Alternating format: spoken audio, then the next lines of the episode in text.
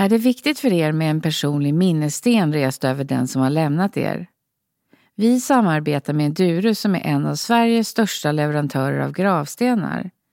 Edurus erbjuder kostnadsfri rådgivning och är bara ett samtal bort när ni har frågor eller behöver hjälp. Ring 08-673 50 00 eller besök edurus.se.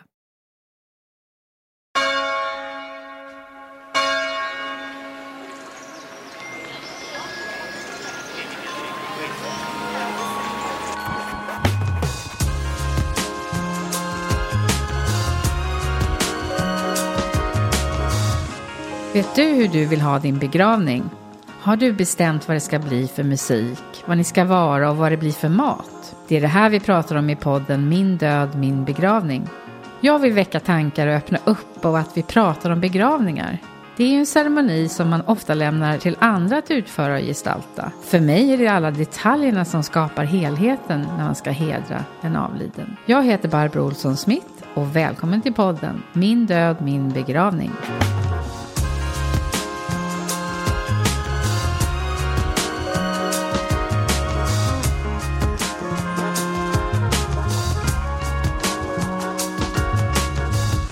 Hej Carolina Fuglas! Välkommen till podden Min död, min begravning.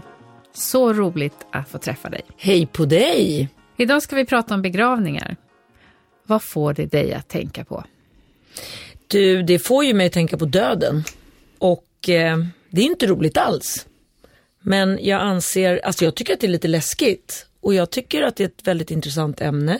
Just på grund av att det är lite läskigt och det är kanske därför vi ska prata om det. Mm. Men det är inte så att man garvar på sig. Men det är Alltså min farsa dog ju här för ett halvår sedan. Mm. Så att för mig är det liksom om någon pratar döden så tänker jag ju på det. Så att jag är ju lite extra känslig kanske. Mm. Men det händer oss alla så att jag tror att eh, vi kör. Känns det tryggt att vi är hos dig? Vi sitter ju här i din studio.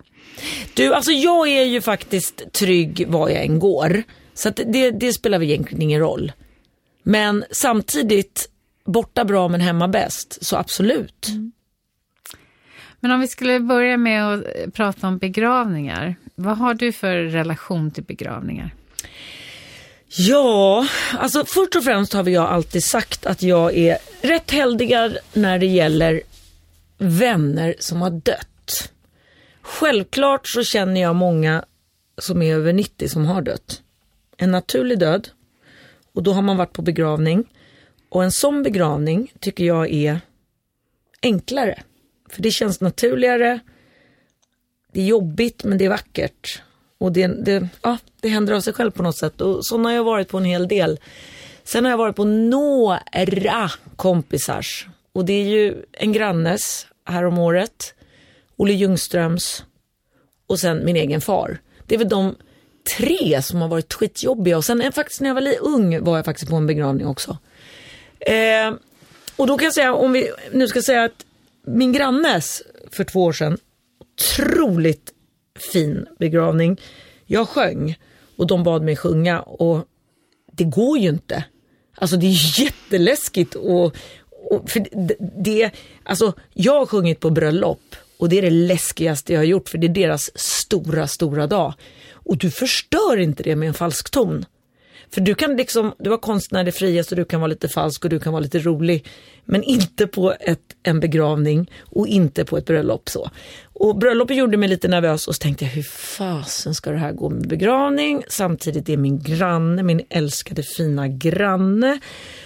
Bara jag ska klara det och jag sa ja för att hon ville ju det för hon hade haft cancer länge så att hon hade, vi hade ju liksom pratat om det så. Och hennes bästa låt Lalles eh, himlen, stjärnorna, vad heter den? Ja, alla vet. Det är en typisk begravning, en stund på jorden. Mm. Ja. Och eh, jag sjöng och det gick bra. En vers, en refräng, en vers. Halvt in på nästa refräng. Sen började jag stortjuta. Och det är så tystnad liksom. Och så börjar en liten röst fortsätta refrängen. Och sen till och en till och en till. Och sen satt hela kyrkan och sjöng urhäftigt. Det var så vackert. Och eh, ja, men det var så fint. Och sen efter det så var vi hemma hos henne och det var fest i trädgården. Och, alla var där och ja men det var fint. Mm. Men, men det är hårt. Alltså det är ju en jobbig grej. Så. Tror du att du kommer ihåg mest om, om musiken på den begravningen för att du själv var involverad? Eller tycker Alltså, du att det var- är det vikt, eller en av de viktigaste Nej, sakerna? det, alltså det är klart att jag kommer ihåg det och just att de hjälpte mig att sjunga. Att, hela, att det var verkligen också så att det var inte bara jag som sjöng utan det blev alla och det var inte liksom förberett. Det var det, det, det, var det som var så vackert och sen hela, hela kyrkan grät och sjöng. Eh, så det, det är klart att det är därför jag kommer ihåg det. Men, men sen var det väldigt vackert och det, det var fina, eh, ja men alla människor där älskade ju henne och eh, blommorna och allting. Och det är samma sak med när Olle Ljungström hade en jättefin begravning. Eh, och det var jättekul efteråt för att vi spelade musik och folk fick gå fram och sjunga och skämta och dricka öl. Och det var kul, det var trevligt.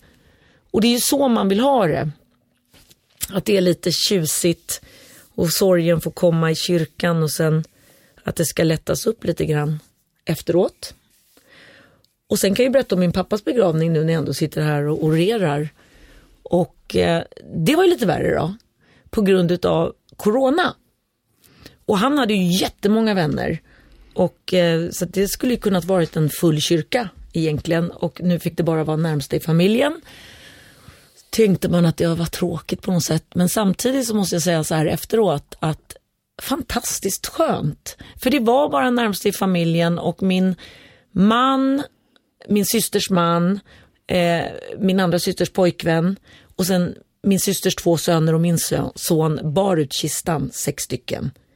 Och vi grät och ingen satt och tittade på oss när vi grät. Vi fick ha, ha, gråta och ha vår sorg för jag tycker att det är ganska skräckinjagande att behöva gå fram till kistan och få det här psykbrytet inför full publik kan man ju tycka.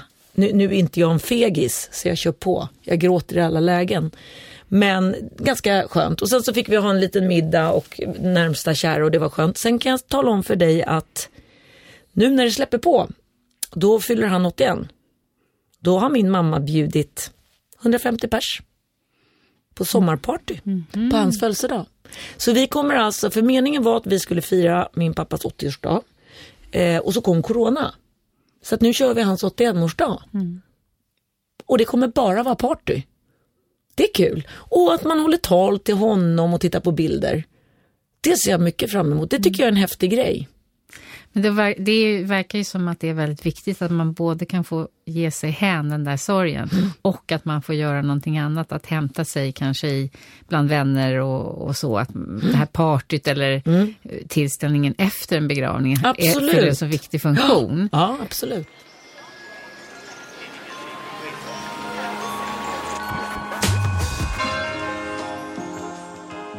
Men det var intressant det där du sa att, eh, eh, att man måste fundera om hur man kommer att reagera för att det är andra människor i kyrkan och det här att gå fram till kistan.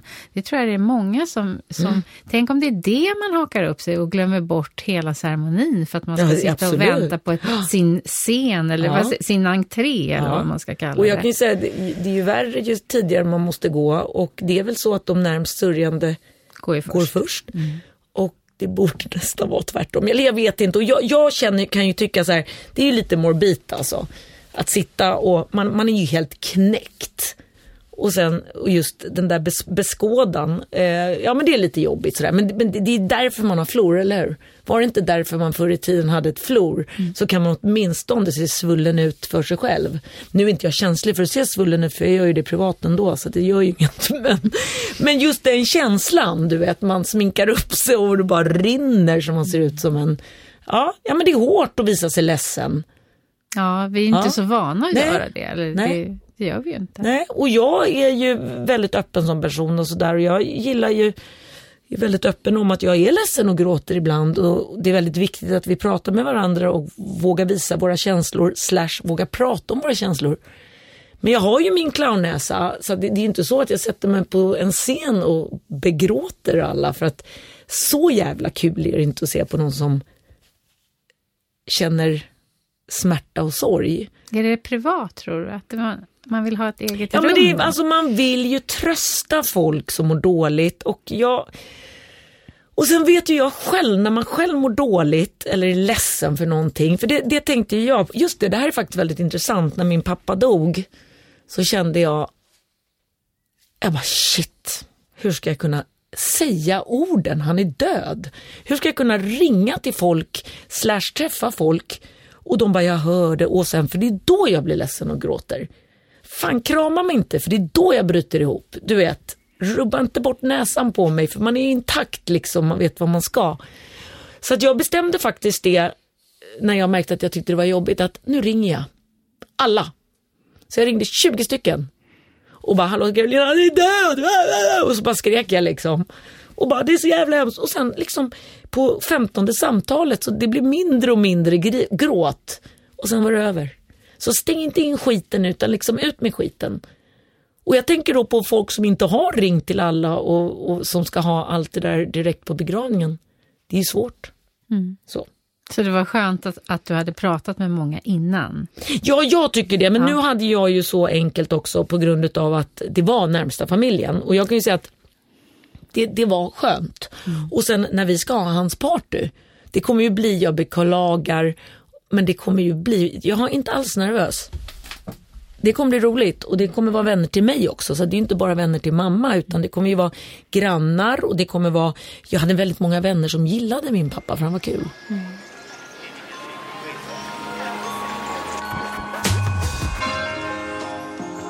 Tror du att dina, din närmsta familj hade ungefär samma upplevelse eller är, är det väldigt indivi- individuellt? Alltså det här med att jag tyck, du tyckte det var skönt att det bara var ni, för då fick du liksom mera, eh, ja, mer utrymme för sorgen och mera scen, eller vad, vad man nu skulle kunna Mm, jag kalla fattar det. faktiskt din fråga. Men, pr- men pratar ni om det? Ja, vi pratar ju väldigt mycket Mm. om allt och ja, jag tror att vi alla tyckte det. Och, och vi pratade om det, men samtidigt är det väldigt viktigt att vi får ha den här festen för honom. För om jag ska vara helt ärlig så tror jag att pappa hade nog tyckt det var roligare med partyt. Jag, jag tror han vill ha alla där, inte bara familjen. För att jag tror någonstans att fira och det här minnet liksom efter med maten och lite vin och lite foton och talen det, det gör man väl för den döda också. Det är väl en slags hyllning. Och det tycker inte jag man vill missa. Och det var svårare i den situationen ni var nu, för det bara, Ja, det gick ju inte för man fick ju inte träffas och man Nej. får fortfarande inte. Så det är liksom så fort eh, folk säger, eller så fort vi får ses igen, då är det ju hattarna på. Men det är klart, det kan ju bli Karl af Ugglas 82 också. är du med? Det, det vet vi inte hur länge corona håller, men Nej. vi hoppas på att det blir Karl af Ugglas 81 ja. i juni. Ja. Man skulle ju kunna välja bort det där att man ska gå fram till kistan. Mm. Det kan ju den som bes- bestämmer över begravningen eller eh, familjen. Eller, men, eller är Men det det vill man ändå. Ja, för det är ju en... Tar man bort någonting väldigt viktigt då? Ja, det tror jag. Sen ka- kanske man inte behöver sätta tvång på det. Nu är det väl inte tvång att man måste. Nej, men det blir ju en grupptryck Ja, på men, något sätt. ja jag vet. Ritualmässigt Jag så vet. tycker jag det. Och det där är så svårt för att den som anordnar begravningen är icke den som är begravd. Och jag tycker man måste ta hänsyn till båda. Det viktigaste är väl någonstans eh, för den som är begravd, själva hyllningen känner jag. Men samtidigt så för de närmsta sörjande så är det också väldigt viktigt. Ja, det vore ju egentligen jättebra om alla visste. Alltså jag har ju berättat för min familj vad jag vill ha på min begravning. Och där ska det vara färgglada kläder och det ska vara crazy. Rakt igenom. Och eh, jag har sagt var jag ska ligga och sånt där. Faktiskt. Eh, ja men vadå, man kan ju dö när som helst. Och eh, nej, jag vill att det ska vara party. Och skulle jag få en lång sjukdom, alltså skulle jag veta att jag dör om ett år, då skulle jag planera min begravning. Precis som Torka aldrig tåren utan handskar, där hade de, självklart skulle jag göra värsta prylen liksom. För det är ju ett säkrare sätt att få vara med. För då har man ordnat det själv. Men då man bara knallfall, då gäller det ju att man kanske, det kanske, ja eller alltså det är ju bra, alltså, men jag har som sagt att Heinz vet var han ska ligga, han ska ligga bredvid mig. Min Så det- man alltså. Ja, men så det har, alla är lika öppna på att prata om det här då, Ja, i familjen? absolut. För det, det bygger ju också på att alla vill och Ja. Mm. orkar höra. Men jag tror det är väldigt viktigt att börja fundera. Och det har du ju Och det är ju ingenting gjort. man, behöver, det är ingenting man behöver prata om med pannan i väck utan det kan ju verkligen vara mellan något väldigt ytligt under en middag. Det är så här bara, jag ska ligga där, var ska du ligga? Så det behöver inte vara så tungt. Men, men, men, men i min familjs fall, så det är en intressant fråga. För att min far, min pappas föräldrar, de var skilda. Så pappa valde att lägga sig med sin far. Och min pappas mor var min bästa människa i världen. Så jag måste ligga med min pappas mor, min farmor. Plus att hon är begravd i Kungsängen i en familjegrav. Så jag måste vara där, så Heinz och jag kommer ligga med farmor. Och mina syskon kommer lägga sig med mamma och pappa. Det tycker jag är lite gnagigt. För jag vill egentligen ligga med alla. Men det är kört. Alltså jag vill knulla runt. ja. Ja, men då är, då är alla i hela familjen med på, eh, ja, har bestämt sig egentligen. ja. Vad Och sen, intressant. ja det är jätteintressant och sen så kan man ju inte veta om det är någon som blir sur på den ena eller den andra men eh, som det ser ut i dagen, ja. Så ni är förberedda? Alltså just nu är det så men det kan ju ändra sig. Det kan ju helt och hållet ändra sig. Jag menar det är ju inte så, gå, gå Heinz och hittar en annan och bedrar mig så kommer inte han vara välkommen. Men det kommer han ju aldrig. Nej. Hur är det, har du några andra minnen från begravningar som har varit speciella på något sätt, som har stuckit ut? Eller är det de här alltså jag hade en, ja det är de jag berättar om. Alltså jag, alltså jag är som sagt lite halvt helgad som, jag, de flesta har varit gamla och jag, då sticker det inte eh, ut på samma, eller det, det är inte lika tragiskt Nej. så. Det är inte lika, det nor- okej. Jag var faktiskt på en jättegod väns begravning. Han var 16. Det är inte okej. Och vi var unga och vi lekte väldigt mycket tillsammans och gjorde mycket dumheter för han var en sån här pojkpojke och jag var en pojkflicka och de sa faktiskt att en utav dem kommer dö. Alltså det var så här, liksom inte, inte, de var inte seriösa men de, de är galna de där två. Liksom de, någon utav dem kommer, det, det var en sån här sägning. Och han blev påkörd liksom. Och då är det så här, och alla var också just att han blev påkörd och så blev han påkörd. Det var liksom inte när han satt på Carolins biltak och hon körde i 120 och han naglade sig fast eller när jag åkte bakom honom och stod på ett ben på bågen. Alltså förstår du? Och så blev han liksom bortföst av en sopbil. Det var ju också tråkigt. Det, det var helt fel för han var ju helt tokig. Så han borde ju liksom haft någonting, ja, något annat. Något mer extravagant? Ja, eller hur? Och det var ju en väldigt jobbig begravning för det var ju då var vi ju ungdomar, men det, åh vad fint det var. Och han, ja det var massa, ja det var yngre musik och det var spelemän från olika, faktiskt om folk kommer ihåg på plattan så stod det de här som stod och spelade med flöjtar och, Ja. kommer du ihåg dem? Ja. Vad hette de? Ja, jag vet inte vad de Var kom de ifrån? För att jag är ju helt galen. Peru eller sånt. Sydamerika. De var där. Och de var ju liksom så här, ja, det var lite häftigt. För att han älskade dem och brukade gå dit och liksom ja, stå och lyssna på dem och lägga lite pengar. Så mamma frågade, kan ni komma på begravningen? Och det, ja, det, så det var fint. Så. Ja. Men eh, hur, hur, hur mycket tror du att eh, det handlar om de anhöriga? Eller, ja, det, vi pratar ju om det. Är begravningen, du tycker att begravningen är både för den man hyllar, den som avlidit, men också är det ju de närmaste familjen eller alla människor runt om. Ja. Men vem tycker du ska ta kommandot över det då? Helst borde det ju vara så att man har sagt lite vad man vill. Om man vill bli eldad eller spridd eller rökt eller vad man nu vill bli. Liksom, att man pratar om det, det är ju det bästa. Men det är klart man inte tänker på det. Många dör hux flux. Eh, jag tycker att familjen ska väl ta kommandot och jag tror att det är väl bra om man hjälper den allra närmsta som frugan till exempel. Eller mamman, om, jag menar är det ett barn som dör eller som har föräldrar, alltså uff, vad jobbigt. Så att jag tror att det kan vara ganska schysst att man kan hjälpa till och ta lite kommando.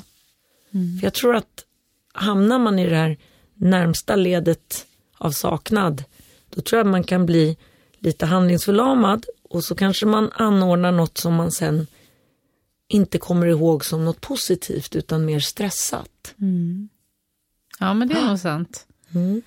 Hur, hur viktigt tror du det är med kyrkan då? Så, eh, in, alltså om man väljer en kyrklig begravning, för där finns ju mycket. Det finns mycket tradition, det finns lokal, det finns, det finns Det är väl hur man gör. lika viktigt som att, alltså jag tror ju att Gud är med oss överallt. Alltså vi skulle kunna snacka i religion här nu också. Jag tror på Gud, men jag tror på min Gud och min Gud är god och det är det egna ansvaret för att liksom behandla andra som man själv vill bli behandlad, ta hand om jorden, ta hand om, ja men, ja, ödmjuk och schysst liksom. Och det finns med oss överallt så att det spelar inte någon roll om man har ceremonin i kyrkan eller ute i naturen. Nästan kanske lite skönt att slippa kyrkan. Eh, alltså jag har ingenting emot kyrkan, jag älskar kyrkan. Jättevackert. Men jag kanske ska ha min begravning hemma hos mig, nu när du ändå frågar. Det kanske, det är häftigt. Och så om det är en präst eller ej spelar ingen roll, för varenda människa har Gud i sig, det är ingenting man studerar.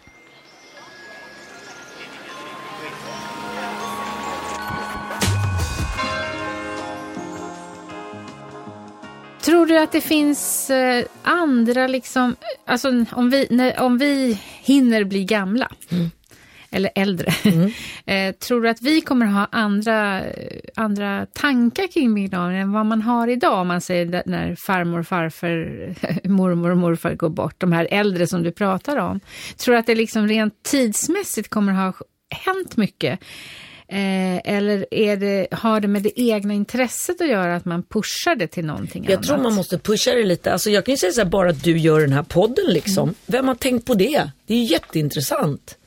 Det, det, det är en intressant, och just nu att jag kanske ska ha min begravning hemma. Alltså jag menar det har inte jag tänkt på för det har varit självklart att gå till kyrkan. För det är ingen som har frågat mig den frågan. Om det spelar någon roll om det är en kyrka. Det är klart inte det spelar någon roll. Gud är ju i all natur. Så att eh, och så hör någon den här podden, då kanske hon kommer på och säger, nej men det ska jag med. Och det ska jag med, eller jag ska till Karibien. Alltså, förstår du? Det finns ju massa ställen att göra det på ett fint sätt. Och Gud är med. Och präst eller inte präst, det är verkligen skitsamma. Ja, men jag, vad jag hoppas med den här podden är ju att man ska få inspiration att tänka till. Eh, hur kan man gestalta en begravning? Behöver den vara som traditionen är? Är det bra?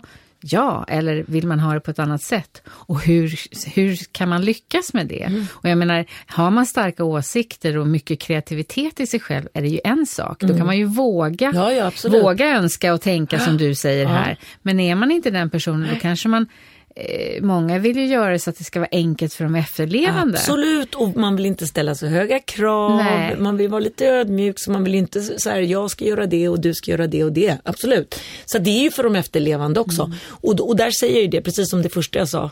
Eller jag vet att jag sa nyss att det, att det viktigaste var för den döda. Det, nej men jag kanske tar tillbaks det. Det kanske är det viktigaste, är kanske för de efterlevande. För är du död så kanske du inte ser det. Jag vet inte. Men det Tror- ska väl rimma, tycker jag. Att det ska rimma. Med den det är väl klart personen. att det ska. Absolut. Och sen någonstans så, det får sluta med att ja, det, det är ju upp till dem runt omkring vad Ja, det är de så vill det göra. blir i ja, vilket det fall blir, som ja, helst. Så blir det ju i vilket fall som helst. Men, men, men, men jag tror ju att man kan påverka det genom att skriva eller tala om och, och fantisera.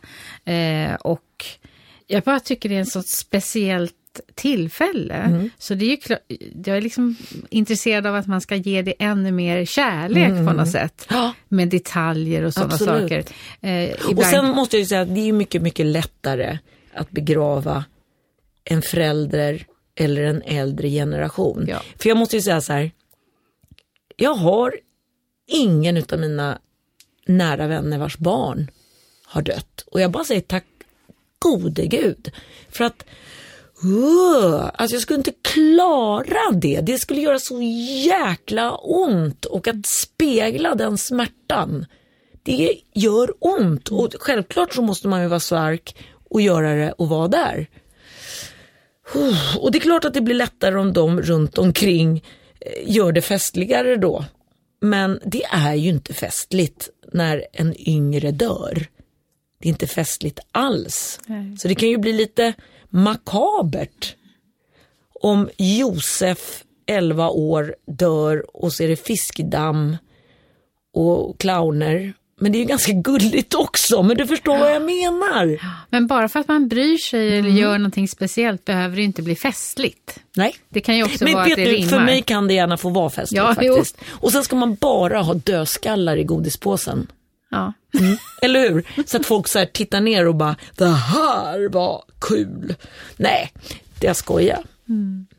Nej, men det, är- det är intressant och säkert kan den kreativa resan för den personen Mm. som ska skapa en sån här begravning också vara en del av sorgearbetet. Att få, Absolut. få gö- göra någonting upphöjt till en person Det som man bryr jag. sig väldigt mycket om. Det tror jag absolut. Det tror jag absolut. Så det, det är ju med i hela det arbetet. Och sen är det så att med begravningen är ju också ett sätt att möta, för jag vet att jag har själv, när det har varit någon, säg att jag känner en granne så har dens pappa dött. Eller alltså någon anhörig, jag känner inte dens pappa men jag vet att dens pappa har dött eller dens bror har dött eller något. Och man har precis hört det och när man möts, det är alltid svårt med det där, ja, jag beklagar. För att ja, det gör jag ju. Och man känner så här, hur nära får jag gå? För du vet att går du för nära då kan det ju brista för den. Och håller du dig för långt ifrån, det är inte trevligt heller. Utan man vill ju ha så normalt, hur länge ska vi prata om det här innan vi återgår till vädret? Eh, men det måste jag säga att, för det har jag också tänkt på liksom. Och just också när min pappa dog, att jag tänkte, för jag kan också tycka att det är jobbigt bara, bara någon nämner det. För att jag går inte och tänker på det hela tiden. Och så träffar jag någon som säger, ah jag beklagar.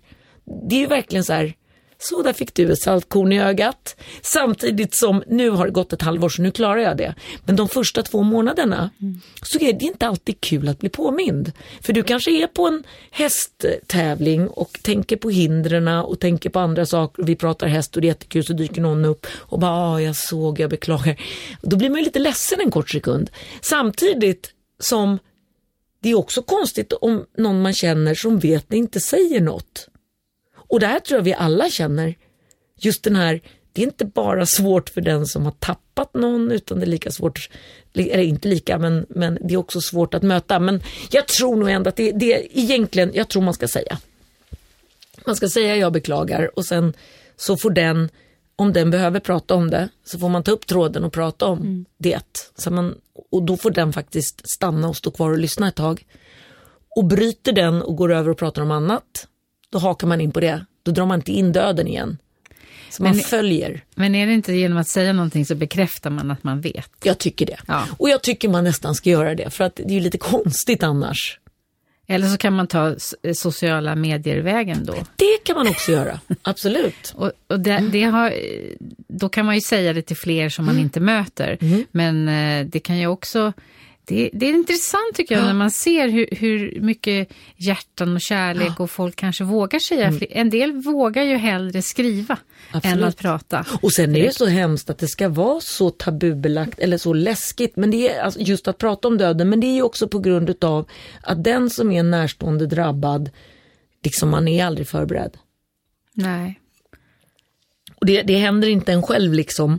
Eh, så att för mig har det ju varit så här, jag vet ju att mina föräldrars, eller vad säger jag, mina kompisars vänner, eh, mina vänners föräldrar har dött och jag tror inte jag riktigt, jo men jag har ju fattat liksom att, nej men usch vad hemskt.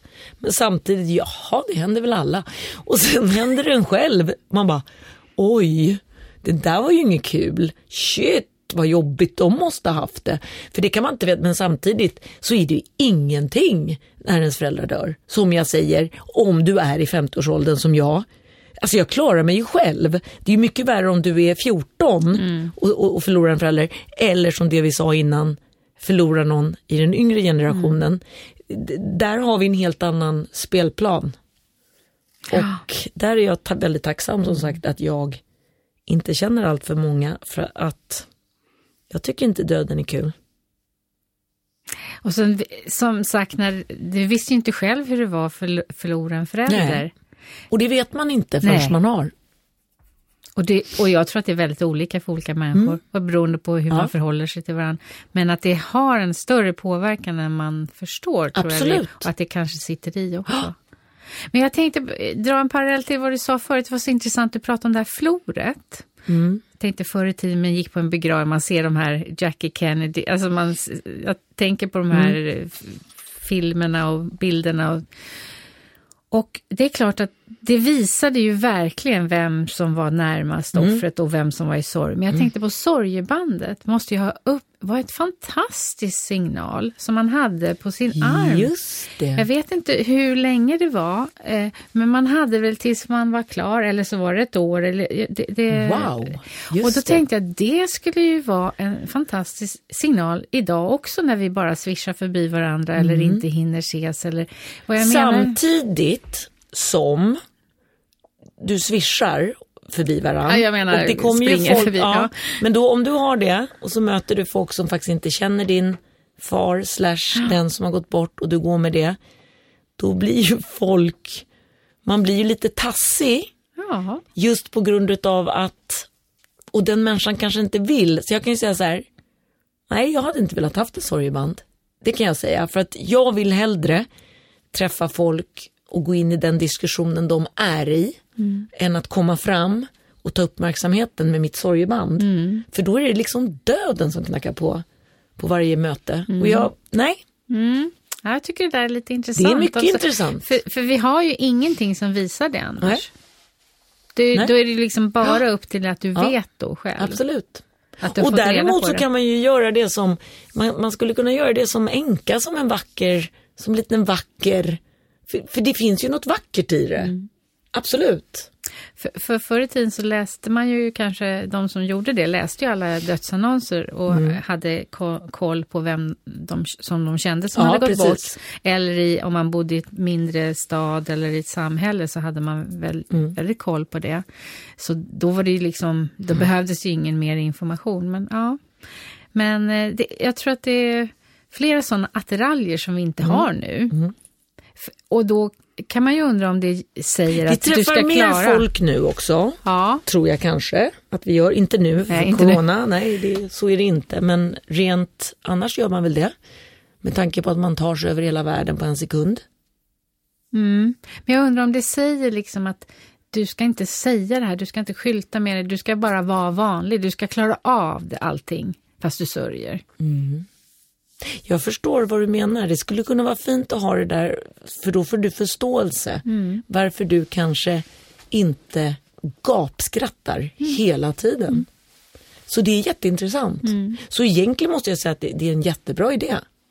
Men jag lämnar nog mitt band hemma. Ja. För jag är, ja men jag, vet du, och det, det där, jag behöver inte prata om, det, här- om att min pappa har dött till exempel med alla. Behöver jag det, då ringer jag någon eller tar upp det med någon god vän. Men jag behöver inte berätta det för att jag har redan ältat det, jag kan historien och jag tycker att den är är det inget kul. Alltså jag blir inte på bästa humöret. Alltså jag blir inte grinig särskilt heller för jag är ganska så här, alltså min, och det är ju också intressant om vi liksom ska snacka ångest, hur känns det? För jag fick ångest. Men hur fick jag ångest? Jo, jag vaknade på nätterna så här, liksom. Från att han dog och så höll jag på så i några månader och vaknade typ fem gånger om natten och bara och sen dagarna var ganska normala för att jag kände att någonting är fel. Någonting är fel. Jag blev lite serotoninlåg, jag blev lite lägre. Och jag har blivit mycket bättre de senaste två månaderna. Och då fick jag att intala mig själv så här, det är nog därför. Men sen får vi inte glömma att vi lever i en coronatid. Och det gör en också lägre. För det är ju något sjukt med att vi inte får träffa varandra. Så. Och sen va- varför min far dog är ju på grund av corona lite grann. Inte för att det var corona han fick utan han skulle gå till sjukhuset för han hade ont i ryggen och då fick han inte komma till sjukhuset så att de gav honom penicillin tre gånger i rad. Och eh, han blir bara sjukare och sjukare. Efter ett halvår så trycker han sig in och säger jag vill ha hjälp. Ah, kom in då din kverulant. Och så fick han, eh, då hittade de en sjukdom och så fick han ett piller. Så var han bra efter två veckor och sen bara bam så dog han utan hjärtinfarkt. Och det tror jag är på grund av att han var ju så sjuk ett halvår och vågade inte gå till doktorn och fick penicillin som gör det ännu svagare för han hade ingen bakterie. Och han tappade 15 kilo och muskler. Så jag säger bara till alla äldre, ta hand om hjärtmuskeln. Mm. Den är bra att ha. För hjärtmuskeln, den, den, den är jätteviktig. Handleden är väl lite skitsamma. Om lillfingret inte arbetar. Mm. Kommer du att sjunga på begravning igen? Du, alltså jag har dessutom blivit tillfrågad en gång att sjunga på en, eh, så ska jag svara på din fråga sen. Mm. Eh, jag blev tillfrågad, jag hade en liten, en 11-årig kille som hade cancer. Som var kompis till min, min kompis eh, barn. Han älskade mig. Det var på snälla snälla tiden. Mm. Han sov med mitt foto. Och snälla snälla, jag var hans idol. Och min kompis kände så hon, hon ringde till mig och bara, du, eh, kan du komma och sjunga på den? Och jag bara, Uh. Och jag bara kände, nej men jag klarar inte det. För alltså jag blir så stressad, jag kommer förstöra det, du vet börja gråta. Så att jag bara, vet du, jag spelar in en film där jag sjunger snälla snälla och sen pratar lite till den här killen. Och han skulle spela in, och jag grät. Och då har jag inte ens träffat killen, jag hade sett honom på ett kort. Och jag, jag tror jag fick ta tio tagningar innan jag kom igenom den där jäkla låten. Så jag var så glad, för jag är ganska blödig. Jag gråter på alla begravningar. Alltså jag gråter så fort. Ja men alltså begrav... Nej men jag, jag gillar inte begravningar ju. Så att så fort någon gråter på en begravning så då gråter jag också. Så det, det är inte lätt att sjunga men det är klart att pappas begravning så spelar vi en låt. Jag hade gjort en låt till pappa som heter, vad fan heter den då? Vill våga säga förlåt. Som jag faktiskt gav till honom, vilket jag är glad för att han fick tre år innan han dog då. Den spelade vi upp. Och min mamma spelade upp någon låt, för hon är också sångerska. Mamma är en jäkel på att sjunga på andras begravningar. Hon är bra på det. Mm. Men inte kunde hon det på sin egen man. Och det var väldigt vackert för då satt vi och lyssnade och så satt vi och lipa liksom. Mm. Men du har ju, det finns så många människor som du tycker om och som jag vet tycker om dig. Men jag tänker du har också en nära relation till djur. Mm. Hur förhåller du dig till det om de dör? Du, alltså jag kan tala om förut att jag är livrädd för döden och har alltid varit. Jag vill inte se döda djur. Och jag har varit med uh, två gånger när jag har avlivat hästar. Mm. Och det är så makabert att jag tycker det är så jobbigt. Och sen har jag avlivat några gånger faktiskt så precis innan, jag, precis innan de ska avlivas så springer jag och skriker det bara därifrån. För jag vill inte, mitt sista bild ska vara levande utav hästen. För att när jag har sett det där döden två gånger, det, det, det sätter sig kvar och sen så gråter jag. Och sen när jag var liten faktiskt så hade jag ju begravningar. Varenda fågel hade ju begravning. Och eh, det skulle vara små kistor och kvällen innan så låg fågeln, råttan, musen, allt jag hittade i trädgården. Inte, inte sådana här små med vingar, men alltså jo fåglar med vingar men inte kryp. Men allt som kött och blod liksom, sådana här söta. Och jag hade dem hemma och jag sov dåligt på natten och jag drömde om, du vet att jag var nere och pratade och att den vaknade upp. Och, så, så döden är jobbig för mig. Och sen hade jag gårdsfest. Så jag bjöd ju alla och, och vi grävde och jag och mina närmsta kompisar grät. För vi var känslomässiga och vi hade höll tal och det var väldigt seriöst. Och jag tittade lite snett på de som bara lekte. Men sen, sen efteråt så åt vi glass och drack eh, saft liksom och hade roligt så. Men så har det ju varit för mig hela tiden. Och jag har haft begravning för mina hundar. Och eh, det är ganska jobbigt. Men tack gode gud, sen jag fick barn så har det avdramatiserats det här med förlusten av ett djur. För att varje gång ett djur dör så det är inte kul men jag är bara glad så länge det inte är en människa. Mm. För det är mm. svårt med människor. Alltså någonstans djur, ja det är jättejobbigt men you get over it. Men jag, en människa kommer aldrig över. Men vad, vad spännande att höra om att du redan som ung då höll på med begravningar. Ja. Ju, ritualen verkade ja. väldigt viktig där. Ja. Och kista och... Ja, och absolut. Och sen la man i saker i den här kistan också. Ja. Det finaste du hade, liksom en liten, en liten dank eller någon liten Porsche. Sådär. Eller pengar kunde man lägga ner. Men de här begravningarna för dina hundar och, och så. Har du gjort det för hästarna Alltså, också? nu är för hästarna nej. skickas väl iväg? Ja, de skickas iväg och det är för stora eh, saker. Så Mm. nej, det, jag har haft svansen. Jaha. Ja, du vet man tar svansen och så tar man ett litet eh, rosett. Så. Och sen kan man med mindre djur så kan du ju, du, du skulle kunna ta askan liksom om du vill och bränna och odla en liten buske. Men nej men vet du, jag slutade lite med det när jag fick egna barn känner jag. För att jag menar djuren var ju mina barn innan jag fick barn. Men nu är de bara djur. Men jag älskar dem väldigt mycket för det. Men det, jag, jag går inte omkring med flor om man säger så. Nej. Och inte sorgeband heller. Nej.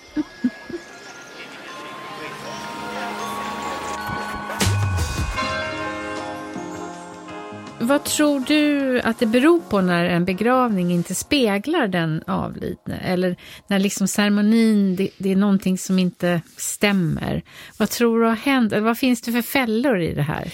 Eller fällor? Nej men alltså jag säga? jag tror ju att en begravning skulle kunna bli svår om dess anhöriga är i fejd. Då tror jag att det kan bli ganska svårt och man kanske har två olika bilder av en människa. Till exempel på grund av olika familjer och skilsmässor slash något tjafs bakåt. En människa kan ju se en människa på ett sätt och en annan ser på ett annat sätt. Och det kan bli en otrolig krock på en begravning. Och om till och med osämjan finns i rummet, att liksom man hamnar framför någon som, ja någonting. Det är inte kul.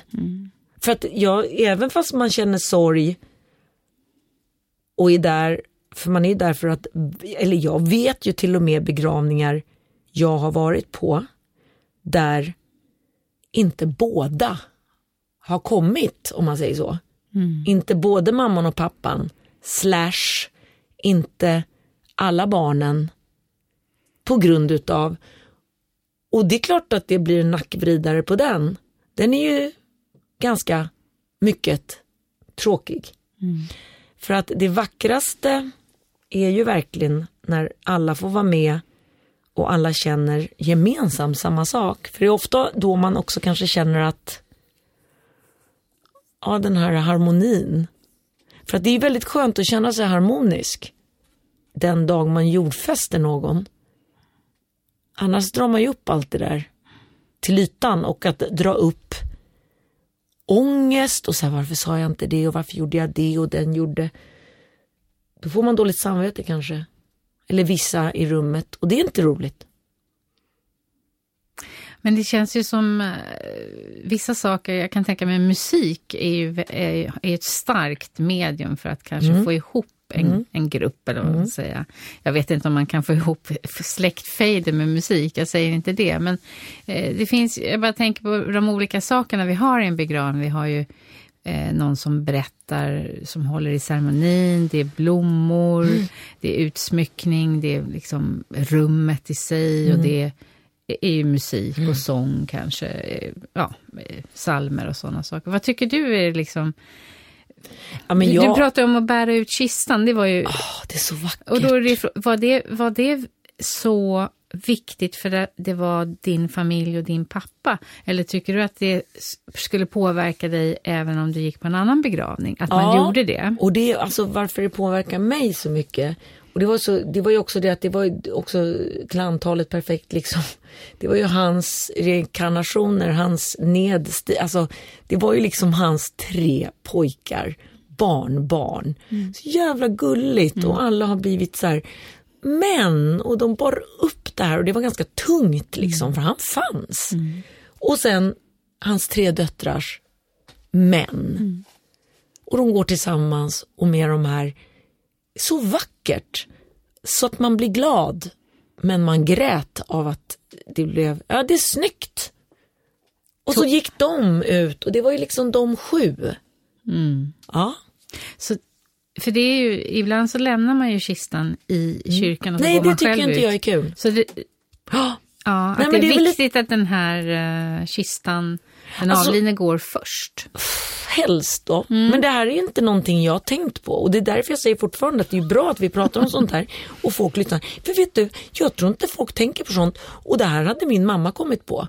Och jag visste ju inte det här. Jag hade aldrig kommit på det själv att de skulle bära ut. Jag vet att jag satte, satte på någon amerikansk, men det är ingenting man säger, men så ska vi också göra. Utan det kom mamma på och det tycker jag var en av de bästa grejerna just på den här begravningen. Jag tyckte det var så fint. Och jag hade, även om jag hade varit på någon annans begravning, uppskattat det väldigt mycket och tyckte att det var väldigt tjusigt. Sen tycker jag, nu, nu hoppar vi därifrån då och så går vi till musiken som du pratar om. Och musik är viktigt. Musik frigör ju endorfiner och sen också det är jättebra att sjunga tillsammans slash eller lyssna. Men jag tycker ju att det, det är lite roligare om man väljer musik ifrån vad den döde skulle gillat och får den att tänka på den slash musik som betyder mycket för den som kanske anordnar begravningen för att det ska knyta ihop det. Jag tycker inte man ska lämna det åt kyrkan. Eh, jag tycker inte man ska köra så här Hosianna. Och, bara, ja vad brukar de vilja höra? För det, det är så personligt. Utan man behöver nog inte vara någon supermusikfantast och ha värsta kollen på musik för att kunna skrapa fram några dra fram en Sven-Ingvars om det är det som krävs. Alltså bara någonting, för alla har låtar slash citat i eh, poesin i låten. Som, för man sitter där och hör och är med, eller om du då sjunger så sjunger du själv de här orden. Det är viktigt. Ja, men jag tycker när man eh, tänker tillbaka på om man har pratat med andra kompisar eller människor så säger folk ofta "Ah, den här låten ska jag ha på min begravning. så man, man relaterar ofta en låt ungefär som att det var det ultimata. Man säger inte den här prästen ska jag ha eller den här blomman ska jag ha. Nej.